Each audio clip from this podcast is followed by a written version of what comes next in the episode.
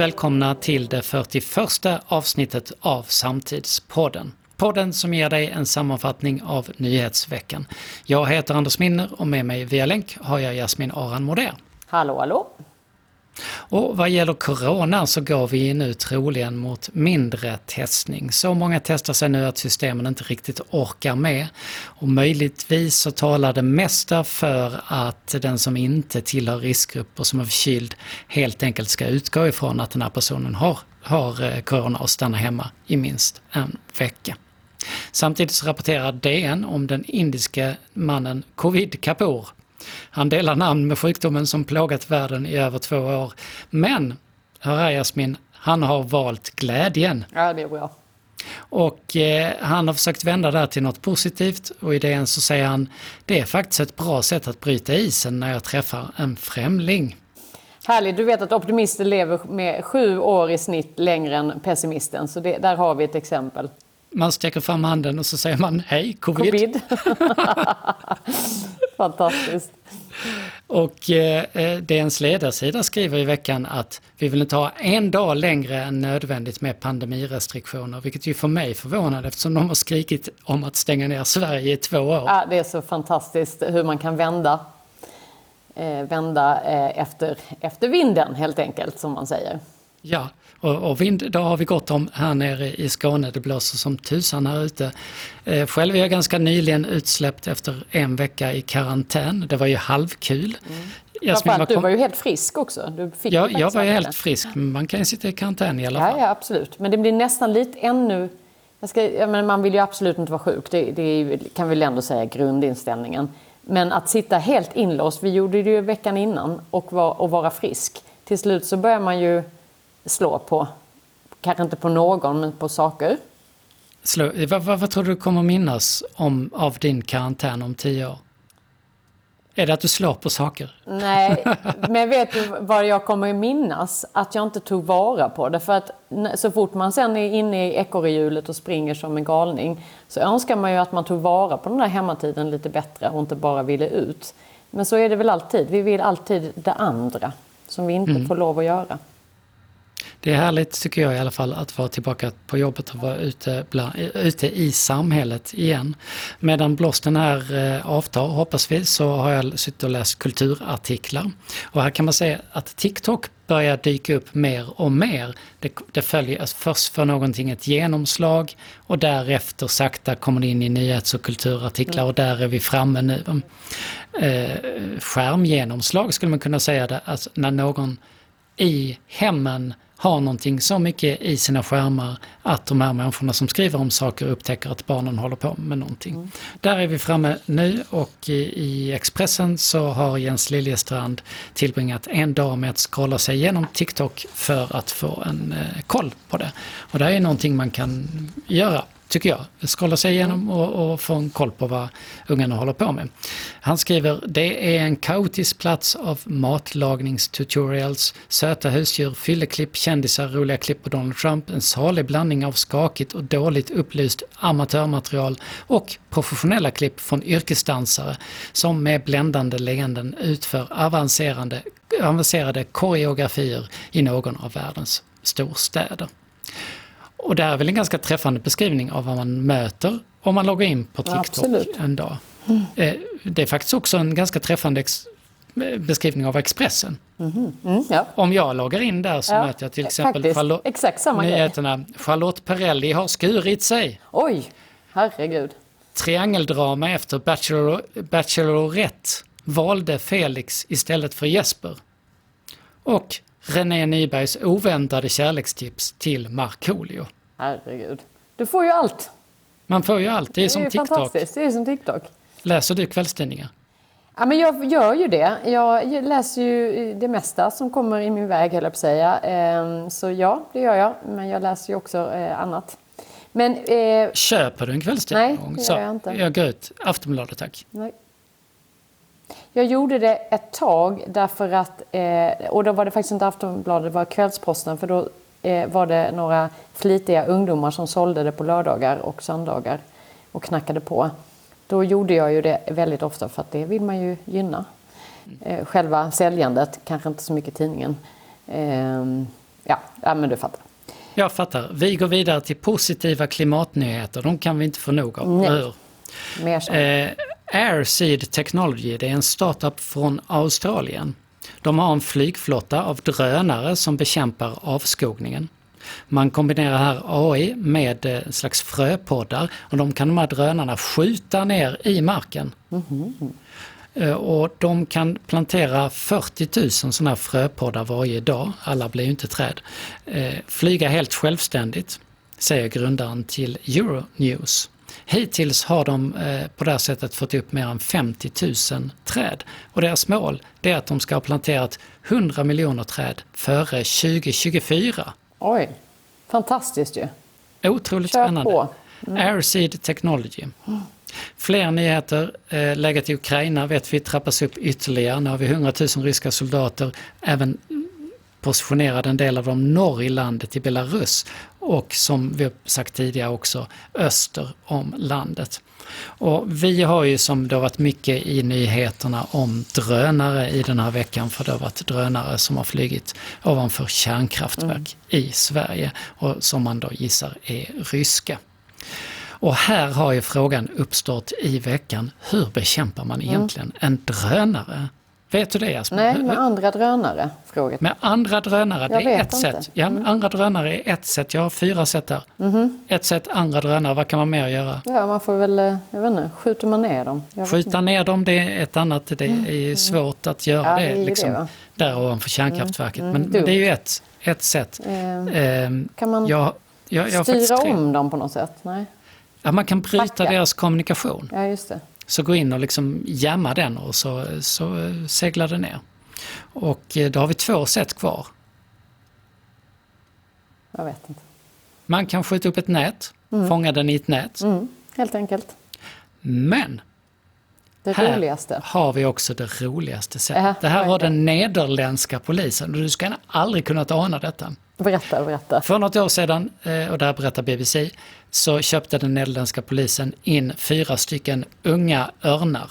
Mm. Det, är, det är inte Socialdemokraternas ungdomsorganisation de köpte in. Utan det är verkliga fåglar. Det är verkliga fåglar här. Och tränade dem för att vara ett vapen mot drönare. Är det sant? Det är Ja, fantastiskt. Vad de här örnarna, örnarna är skitstora. Ja, de ja, ja. flyger jättesnabbt och de är vana att fånga saker. De kan fånga drönarna i sina klor och oskadliggöra dem. Fantastiskt. Sånt vill vi ha. Otroligt! Men de har lagt ner projektet efter Nej. ett år här. Eh, De örnarna tog visserligen drönarna, Men de men det var komplicerat att träna dem.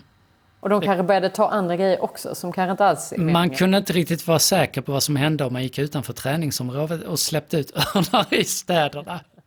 Men ett år ägnades åt detta med ett visst resultat. Stackars frisbee kommer i vägen eller en drake som någon stackars barn. Jag har ändå tyckt det känns jävligt coolt eh, som land att man har örnar Mm. Ja. som en del av sitt försvar. Eller hur? Vid Forsmark så står det då liksom tio örnar redo. Redo. Ja. Fy fan vad bra. Ja, Mer sånt mycket- vill vi ha. Mycket bra. Från rolig nyhet till eh, hemsk nyhet. Det är ju att eh, Danmark i, i höstas skänkte 250 000 doser covidvaccin till Rwanda. Då sa biståndsministern att det är ett globalt ansvar att sörja för ökad tillgång till vaccin. Och här visar Danmark att vi tar ansvar är solidariska. Inte riktigt visade sig nu. I Aftonbladet så skriver Petter Larsson att Jyllandsposten har avslöjat att det handlade inte om en gåva utan snarare om en muta. Slutmålet här var att Rwanda skulle bygga ett danskt asylcenter. Det vill säga att de flyktingar som tänkte att man skulle komma till Danmark skulle först komma in i Rwanda på det här centret och få ett besked för att åka ja eller nej, oftast då nej. Och det här var då tingat, ni får doserna om ni gör detta. Rwanda har tackat nej. Mm. Det är ju inte klokt. Nej, och det är bra av Rwanda att stå på sig. Sen är det ju helt sinnessjukt. Alltså, är vi tillbaka till... Det är många delar i detta, men om vi bara börjar i den första delen som handlar om vaccinspridningen där vi... Eh, om du, du frågade innan vad, vad skulle jag säga och tänka om tio år när vi tittar tillbaka så skulle jag nog skämmas över att vi inte snabbade på fördelningen av vaccinet runt om i världen. Det, och det skäms jag för nu, att vi inte faktiskt pushar och pratar mer om det. Men med det här, alltså det blir ju bara... Bara gör det. Och sen den andra diskussionen om de här flyktinglägren är ju så bisarra och så konstiga i, i sig. Eh, men det är en annan diskussion. Den ska inte, de får inte blanda, man får inte blanda ihop sånt här. Eh, det, det är omänskligt och eh, ja, det är en, vad ska jag säga? Nej, det, det, det täcker väl in Mm. det ganska bra. Lyssnar du på U2, Jasmin? Ja. Har du några favoriter? Eh, favoriter låtar? Ja, som, som du... Nu sätter jag på en U2-låt. Vilken? Ja men det, det, det oh, gud. Ja men det har jag nog. Du vet ju sen tidigare att jag har namn på låtar. I still haven't found what I'm Ja men det, den ligger väl där och hela Joshua Tree Mm. är väl en av mina favoriter kanske. Ehm, men där finns mycket. Nu kommer jag faktiskt, nu bara, bara för att du sa det så blev Ja, jag men det- ja, men det- supersugen på att lyssna på dem. Ja, eh, Mm. Det ska jag Bono. Bono har varit, också varit med i en podd. I, i, i, eh, Inte vår. nej, nej, nej, Synd. Inte vår. I den här podden så säger Bono, jag hatar namnet U2. Jag Ja. hatar min röst. Och jag hatar de flesta av våra låtar som vi har spelat. Nej, men oj vad, vad sorgligt. Kan vi, vi går in, Nej, men vi det går in i var ju- 2022 med en positiv grundsyn. Men gud vad tradigt. Han har ändå Välj- gjort det här hela sitt liv. På ena sidan har vi då eh, indiska mannen covid som väljer glädjen. Å andra sidan har vi den buttre irländaren som hatar allting. Ja, han är ju butter. Be the change Bono, säger vi eh, här från Och du har gjort väldigt mycket bra. Ta det till Han- dig. Han tar det till dig Bono. Mm. Eh, I lördag så kom nyheten från Asien att undervattensvulkanen Hunga Tonga Hunga Hapai, det är lite som Eyjafjallajökull, eh, eh, de döps alltid till- jobbiga saker. varför gör de det? Det vulkaner. De, ha- den hade ett, ett massivt utbrott och sände aska och ånga och gas två mil upp i luften som skapade en tsunami. Sträckte sig över Stilla havet ända till Australien. Eh, förutom att det här då på Tonga blev en, en, en förödelse så visade faktiskt också på en svag länk i något som är superviktigt, nämligen våra kommunikationssystem. Och de slogs ut på, på Tongaöarna och det beror på att mer än 95% av all vår datatrafik går i fiberoptiska kablar under våra Under vatten. Så det, är- det här är inte första gången som naturkatastrofer bryter kommunikationen genom att de slår av kablarna. Och det kommer inte bli den sista heller. Värt att ha i, i åtanke när vi pratar om klimatkatastrofer och, och klimatarbetet också att, att våra kommunikationer är inte så säkra som vi tror. Nej, så mycket det kan påverka som inte bara är direkt det vi ser framför ögonen. Och vi pratade ju om eh, corona för, för ett tag sedan och, och eh, omikron är ju den, den eh, stora varianten som vi har nu. Det finns en anledning varför det inte är lika farligt som vi kanske berört lite grann. Men, i, i The Conversation reder ut det här på ett väldigt bra sätt. Och det är att viruset det, det sätter sig inte i lungan utan det, det håller sig i de övre luftvägarna. Och det är först när det går ner i lungan som vi får de här kritiska eh, lägena för patienterna. Men också att våra T-celler klarar av att hantera omikron. Och jag och naturvetenskap är inte riktigt kompatibelt men så här eh, förstår jag det att vi har antikroppar i oss och de klarar av att hoppa på de här taggarna på spikeprotein och de här taggarna på, på eh, coronavirusbollen då. Som vi alla känner Eh, igen väl. Precis. Och omikron har då eh, förändrat sig, ser lite annorlunda ut och det det lite svårare för, för antikropparna att identifiera. Men här spelar då kvantiteten roll. Alltså mer antikroppar desto lättare är det för dem att attackera och gegga in sig och hindra de här eh, virusbollarna då. Och det är det som händer när vi boostar oss, när vi tar vaccin för andra och tredje gången. Då stärker vi immunförsvaret för fler antikroppar och det är därför det spelar roll. Hör nu Eh. detta, så alla ni som tänker att det spelar ju ingen roll. Jo, jo, det spelar roll. Ta Mm. vaccin. Precis. Men sen har vi också T-celler det här, det, det här var lite nytt för mig. Fånigt kan man tänka sig att vara inne i pandemin, men jag, jag har kommit fram hit här nu. Och de kan både upptäcka då och döda omikron. Och det här är lite plan B, förstår jag det som. En lätt nypa salt för, för en, en, en eh, humanist. Men om antikropparna är plan A och den misslyckas så att en cell har blivit infekterad av viruset då kommer plan B, då kommer T-cellerna och dödar cellen. Och cellen här, som är infekterad, verkar då kunna ta en liten bit av det här spikeproteinet, de här taggarna, placera det på utsidan av cellen som en slags signal. Jag är infekterad. Och då hittar T-cellerna den här, dödar cellen, enbart den cellen och därmed viruset. Och då blir du inte sjuk eller bara blir lite mindre sjuk eller vad? Ja man har ju blivit men, men då, men, då liksom den, dödar den man det. Den dödade så, snabbare. Precis. Mm. Ja. Och det här är, är, ju en del av oss. Ja. Det är en del av dig också Jasmin, ja, du har detta inom dig. Det är, helt, det, det är ju häftigt. Det är väldigt häftigt och det är ändå roligt att eh, jag fick en fin förklaring nu av dig. Eh, som jag nog inte har fått innan. T-celler har man ju hört talas om. Jag har inte riktigt ja. förstått hur det funkar. För man kan ju identifiera sig som olika typer av, mm. av eh, saker. Jag är en sån och jag är en sån. Vi är alla såna här också. Ja. Och mer, vi har väl mer eller mindre T-celler kanske. Vissa, ja. Det var ju en stor diskussion när, när coronaviruset kom. Att man trodde då att många, de som klarade sig var just att de hade mycket T-celler eller T-celler alls.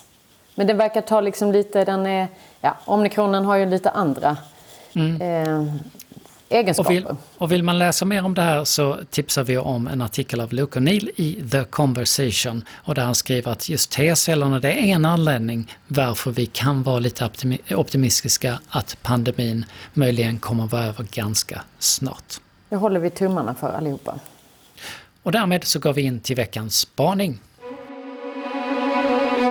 Ja, men då är det eh, min tur att Eh, dela med mig av min spaning. Och den, tyvärr hänger den ju ihop. Vi hamnar ju ofta i eh, eh diskussionen kring eh, coronaviruset och numera omikronen som väl tar över vårt, eh, vår, eh, våra diskussionsämnen.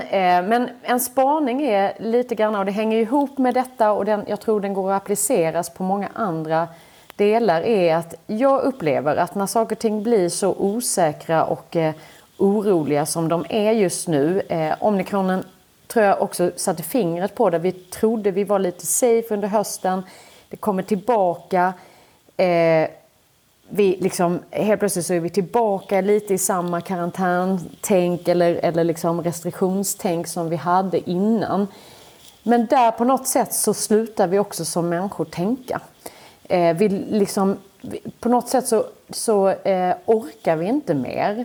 Och vårt logiska tänkande försvinner totalt. Och vi liksom på något sätt bara faller igenom och eh, möjligtvis läser vi rubriker eh, men vi, vi, vi bryr oss inte ens längre om att tolka dem och sätter in dem i ett logiskt tänk. Därför det som faktiskt har hänt är ju att vi har en situation nu som är naturligtvis allvarlig. Det är jättestor smittspridning.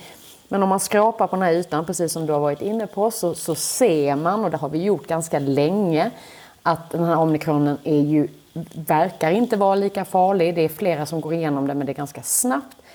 Och logiken i det här, att, att då använda samma medel för att styra upp det här och, och liksom få bort smittspridningen, som vi gjorde för ett år sedan när, när vi också såg att den variant vi hade för ett år sedan faktiskt bidrog till väldigt eh, eh, mycket allvarligt sjuka och, och till och med död. Eh, vi använde samma restriktioner på båda varianterna. Och ingen egentligen, jag ska se, det är klart ingen, nu tar jag ju i, men det är väldigt få som ifrågasätter det här, de här restriktionerna. Fastän vi ser, och om vi börjar skrapa på ytan och på de rubriker och den eh, fakta vi får, om vi skrapar på den så inser vi nog de flesta av oss att, att den inte är så farlig. Och i det så måste vi börja kunna diskutera, men vad är det då är detta det rätta sättet att komma åt det? Vi pratade förra gången om, om de, eh, att, att, Sverige har, har relativt få eh, eh, sjukvårdsplatser och vi kom på att det är inte bara det som är anledningen till att vi har krisen nu, men det finns många förklarings Eh, Eh, förklaringar till att vi har hamnat i situationen vi har gjort nu. Man skyller på att vi måste ha den här typen av restriktioner för vi måste skydda sjukvården och de som jobbar där, vilket jag absolut förstår. Men grundanledningen att vi måste skydda den beror ju på något annat. Och vad som händer då när vi slutar tänka är att vi, vi, vi tar in det här som ett, ett, en sanning, att restriktionerna kommer hjälpa oss och den sanningen kommer ju inte hjälpa oss i framtiden för att när nästa pandemi eller nästa kris eller nästa katastrof kommer och vi fortfarande inte i det här fallet har fixat sjukvården så kommer vi ändå inte hantera det. Och då kanske inte restriktioner överhuvudtaget kommer hjälpa någon, varken oss att bli friska eller sjukvården. Därför är eh, den här spaningen att vi slutar tänka och slutar själva ta ansvar för hur saker och ting ska vara och verka och vilka frågor som, som fortfarande är viktiga att driva. Det ansvaret måste vi ta i den här typen av kriser. Vi kan inte bara luta oss tillbaka och säga ja nu är det som det är, vi får bara stänga in oss. Nej, jag tycker inte det är okej. Jag tycker inte det är okej. Ser vi med det logiska tänkandet att situationen är som den är, eh, allvarlig, men inte så allvarlig att det åstadkommer liksom död och, och liksom förödelse. Då måste vi kanske fundera på hur kan jag personligen agera för att fortsätta att jobba med saker och ting som är viktiga eller driva frågor som fortfarande är viktiga. Vi har ju pratat mycket om att vi måste fortsätta de viktiga samtalen. Allt från, eh, eh liksom, vi ser den liksom, oron i eh, eh, vår demokratiutveckling i världen. Vi ser eh, liksom att vi inte riktigt, även om det har ökat, så ser vi fortfarande inte full eh, uppmärksamhet kring våra klimatutmaningar eh, som vi borde göra. Utan vi, vi liksom resignerar inför detta. Vi är intelligenta människor. De flesta människor på jorden är faktiskt eh, en, en tänkande organism. Vi kan inte bara låta detta ta över oss. Och vilka aktörer har en förmåga att förändra den här trenden du ser då? Jag tror att vi alla har ett ansvar. Jag tror att vi som individer har ett ansvar att själva tänka och agera och fundera på det logiska i vissa beteenden. Att stänga av vissa grejer för att, eh, eh, och tolka det på nästan fanatiskt eh, som individer. Att, att liksom, som i sin tur eh, eh blir på bekostnad av andra viktiga eh, eh, frågor som vi behöver debattera eller aktioner vi behöver göra för att ta hand om hemlösa, vad vet jag? Vet, vi tar detta nästan, jag ska om jag ska provocera riktigt rejält så tror jag att till och med att man tar det nästan lite till försvar för att ja, men då kan jag vara hemma en vecka så slipper jag. Ta mitt ansvar i vad jag nu ska göra.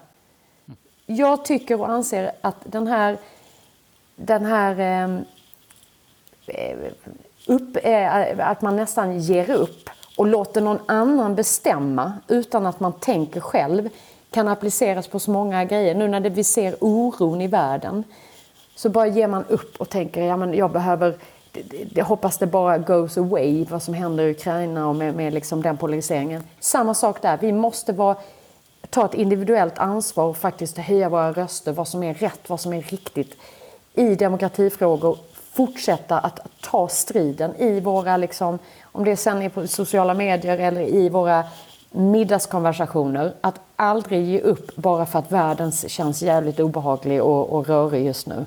Och tro att då får någon annan som är lite bättre än jag. Där är ingen annan. Vi är alla en del av det. Så jag skulle säga nej, det finns. Jag tror inte vi kan lämna detta till någon annanism. Vi måste själva våga vara lite mer aktivister. De glada aktivisterna. Men vi måste ta ställning. Vi tackar för denna spaning och hoppar in i veckans Men hallå!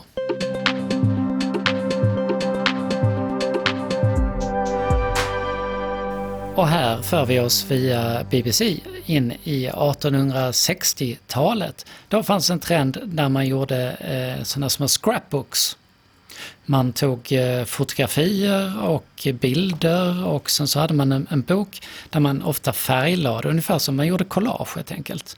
Och det här gjorde då, eh, blev en jättestor våg i societeten. Att man hade fina, superfina scrapbooks. Om, om man söker på det här så hittar man jättefina exempel. Och det här är, är ju faktiskt långt eh, före den konstnärliga vågen som framförallt sådana som Picasso och Braque eh, börjar med liksom på 10-talet där man gjorde collage på olika sätt. Här är vi på 1860-talet i Storbritannien. Och eh, här finns då lite forskare som har kikat på det här och upptäckt att det fanns en annan dimension till det mer än att det var ett roligt sätt att, att skapa. Man hade middagsbjudningar eller tebjudningar och då satt man oftast och tittade i sina scrapbooks. Som, en- ja, man hade ju inte Netflix då. Nej. Så då hade man ju en scrapbook. Exakt. Vill du följa med hem och titta på min scrapbook? Ja, gärna. Mm. Och mycket riktigt så var detta ett sätt, precis som det lät, det blir konstigt när du sa jag gärna det, men ett sätt att, ett sätt att flörta. Jag vill ju bara se din scrapbook. Jag har ingen scrap, det var ett fiktivt exempel. Men det här användes då som ett sätt i societeten att på ett ordnat sätt eh, och utan att låta saker gå överstyr flörta, för man var tvungen att sitta bredvid varandra tätt. Och man kunde prata och konversera, men man kunde ändå flörta lite med den bredvid och man kunde smyga in lite liksom allusioner till kärlek eller vad man ville i sin scrapbook och så kunde man sitta där och blinka lite grann och sen så gick man vidare till sin tebjudning. Fantastiskt fint sätt. Tycker Ungefär vi ska som- återuppta det. Ungefär som när bokhandlare upptäckte att de flesta, eller många människor i storstäder gick inte till bokhandeln för att köpa böcker utan för att se, oj, där var en snygg en som läser en intressant bok. Så många bokhandlare sänkte, det var en trend på, på 90-00-talet, man sänkte hyllorna så man faktiskt kunde se över, för det var därför man gick Det var så man eh, hittade. och sen så börjar man bygga ut det med kaféer och så, och så vidare. En liknande trend eh, nu avslöjad eh, över hundra år senare om eh, viktoriansk flörtteknik. Den tycker jag vi ska ta tillbaka. Fint.